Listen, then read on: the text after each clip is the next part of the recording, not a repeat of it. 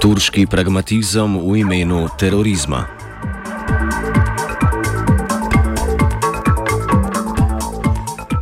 Turška vojska je v noči na petek prvič izvedla leta letalske napade na položaje vojakov islamske države.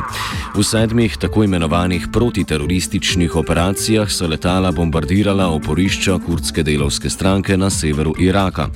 Kurdska delovska stranka ali krajše PKK je v Turčiji in v večini zahodnih držav označena kot teroristična organizacija, vendar je med turško oblastjo in vodstvom PKK do nedavnega veljal dogovor o prekinitvi ognja, ki so ga turške bombe sedaj efektivno končale. Poleg letalskih operacij so turške varnostne sile izvedle še več sto aretacij in tako pod pretvezo zajetja nevarnih teroristov zaprle množico vidnih kurdskih aktivistov. Turško protiteroristično gonjo komentira Bilgin Ajata, raziskovalka iz Svobodne univerze v Berlinu. Well, I think in the media um, there is a lot of um, uh, emphasis on the security threat that Turkey says it is receiving now from ISIS and the PKK together. But um, what I would like to maybe highlight is rather the domestic uh, concerns um, that I think are behind um, this new, you know, initiatives by Turkey. Um, on the one hand, um, Turkey claims and says that it wants to fight ISIS, but over the weekend, um, we saw that uh, 1,050 people were arrested, and most of these people, more than two thirds of these people, were activists from the Kurdish party. And uh, Prime Minister Erdogan today just has made a statement where he said that the Kurdish peace process is over and um, has suggested that the members of the um, pro Kurdish party that made it into the government should lose their immunity. Um, so a lot of measures are taken against the Kurds while there's very little measures taking place against ISIS. Čeprav je deklarativno cilj operacije zmanjšati varnostno grožnjo islamske države v Siriji, temu očitno ni tako. Pa vendar resnična tarča napadov ni niti PKK, temveč se zdi, da je namen omajati zavezništvo med turškimi kurdi in levo progresivno ljudsko-demokratično stranko oziroma HDP, ki je na zadnjih parlamentarnih volitvah prejela precejšen delež glasov.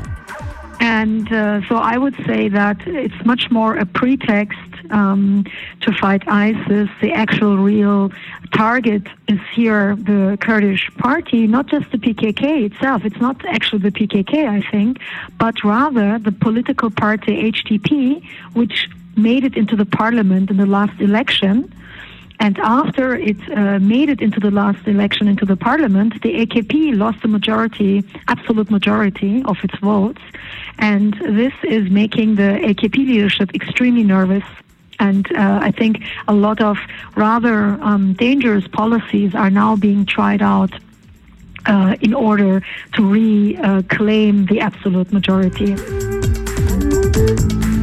Na zadnjih parlamentarnih volitvah je stranka turškega predsednika Recepa Taipa Erdoana Pravičnost in razvoj sicer zmagala, vendar ni osvojila večinskega deleža glasov, prav tako pa ni na vidiku oblikovanja koalicijske vlade. Zato je edina politična rešitev ponovitev parlamentarnih volitev, zato se pojavljajo sumi, da je suspens kurdskega mirovnega procesa politična igra Erdoana za pridobitev glasov nacionalističnih voljivcev ter ohromitev HDP-ja. I would think, and, and actually many observers also critically say this within Turkey, that um, it seems that now within the parliament, the AKP leadership no longer, I mean, Erdogan no longer has the absolute um, majority. It is now looking for solutions outside of the parliament. So when you create um, a situation of chaos, um, if there is an increased um, uh, violence and uh, insecurity, the need for a strong state uh, may increase. This is at least, I think, the um, calculation that is there uh, by Erdogan. And um, this has been written a lot already um, within the Turkish media that, um, and, and it has been publicly also expressed by uh, officials in Turkey that um, early elections are the only way out of um, these uh, of the aftermath of the elections. So there has been no serious coalition efforts, um, and instead uh, the uh, goal it seems to create a condition that um, may lead to the banning of the Kurdish party or at least to a loss of votes on on their behalf so that in the next election the AKP again could receive the absolute majority. Da je varnostna operacija usmerjena predvsem na oslabitev kurdske manjšine, pričajo tudi poročanja o napadih na islamsko državo. It is, as you say, a little bit difficult to really say something very strong about this because um, there have been uh, some media reports, uh, both international and uh, national media reports, that are pointing out to a relationship that actually goes beyond toleration um, between uh, of Turkey and ISIS. But of course, because I mean, none of this is. Um, uh, you know, documented at a level where it would be very easy to talk about this.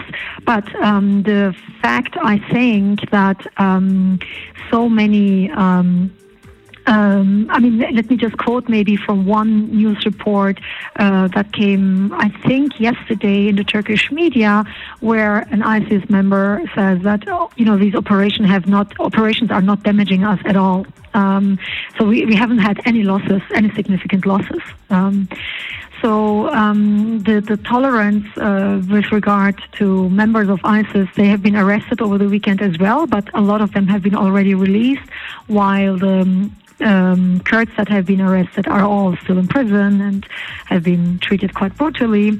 We see here that obviously Turkey is, has a much softer hand, let's say. Turška prekinitev mirovnega procesa je v mednarodni javnosti doživela različne odzive, vendar po večini ni bilo slišati večjih obtožb. Generalni sekretar NATO Jens Stoltenberg je ob izrednem srečanju, ki ga je sklicala Turčija, tej ponudil podporo v boju proti islamski državi, medtem ko odločitve o napadu PKK ni komentiral. Nekatere od držav članic pa so glede oboroženega boja proti kurdski stranki priporočile zmernost.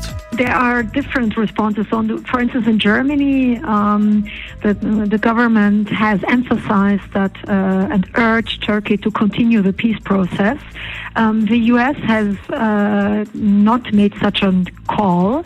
Um, it has also not really said that it um, that uh, uh the ISIS and PKK are on the same level in terms of a threat to Turkey, but it has not really made a strong call to keep the peace process at stake. So we have two different um, uh, reactions. Uh, the NATO uh, meeting, already before the NATO meeting took place, um, the January Secretary, General Secretary expressed um, his solidarity with Turkey.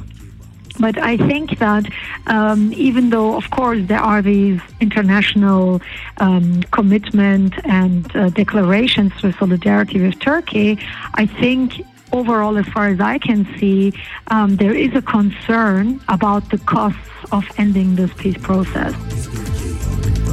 Predstavniki Severnoatlantskega zavezništva pa ob tem pozabljajo, pardon, pozabljajo, da so ravno kurdske oborožene sile tiste, ki so v zadnjem času največ pripomogle k omejevanju širjenja islamske države v propadi državi Sirija. Um, we know, for instance, for some time uh, quite clearly that in order to, the most um, effective force to fight ISIS has been the Kurds in Syria, of which some of you know large parts are also affiliated with the PKK. So when you want to fight ISIS, it doesn't make much sense then to um, fight at, to a much more stronger level the groups that are having so far doing, you know, the uh, keeping the uh, pushing the ISIS out of the region. And I think this is a general paradox. and it puts both the US and also the coalition uh, against ISIS, as well as the NATO, in a tricky position uh, because you cannot really, uh, you know, just fight uh, ISIS from an airbase from Turkey. I think everybody, you know, who deals with these issues knows that that it doesn't work that way.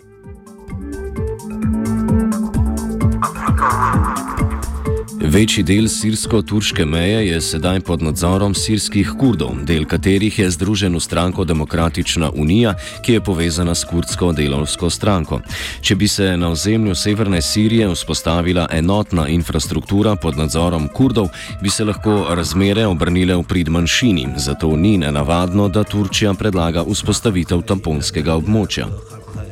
Well, um, it is certainly true that for the past since the past decade, the Kurds are um, becoming more and more powerful in the region. So, on the one hand, in northern Iraq, uh, you have a federal regional government that is becoming uh, both economically and politically increasingly powerful.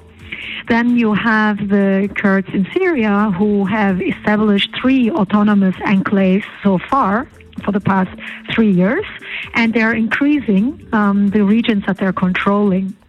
Now, in, it is uh, for Turkey. This does mean that around its borders, um, there is a Kurdish belt almost completely. I mean, with some parts, of course, uh, that are not yet uh, part of uh, um, of this enclave.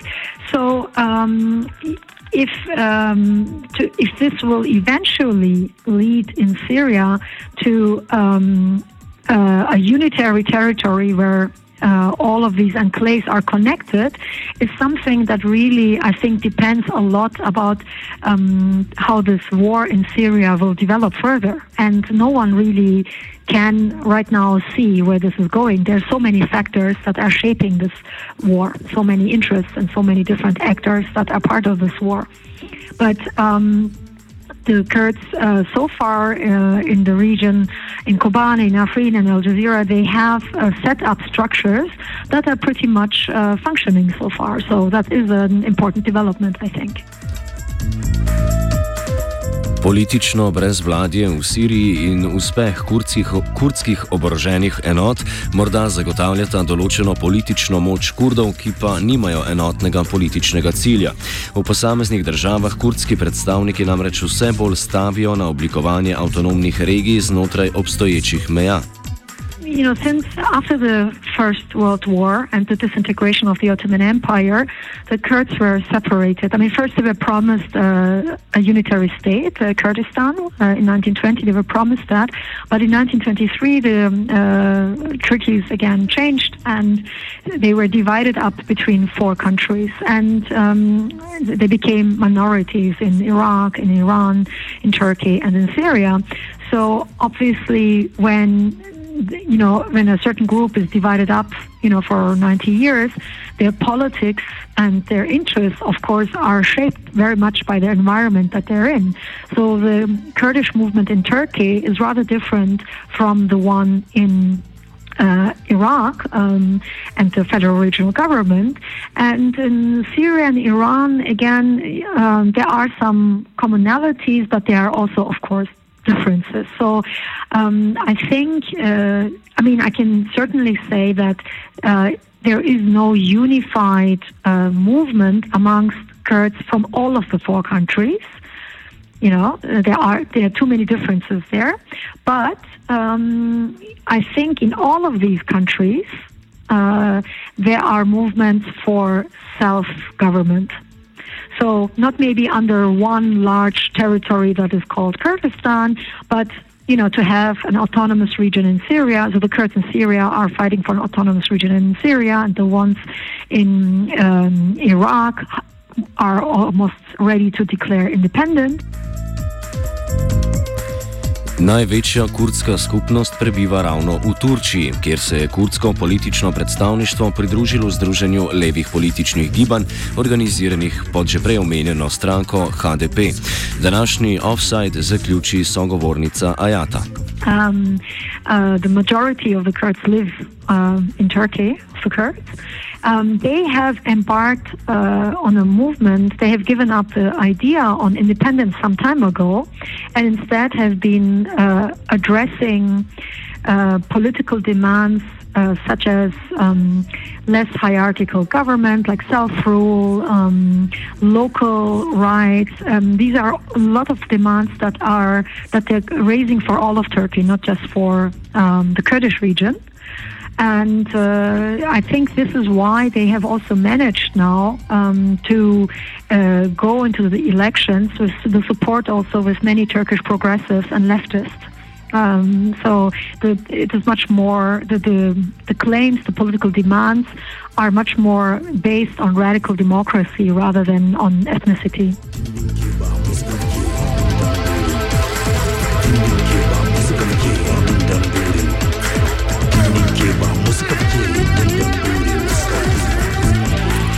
Offside je pripravil Jošt.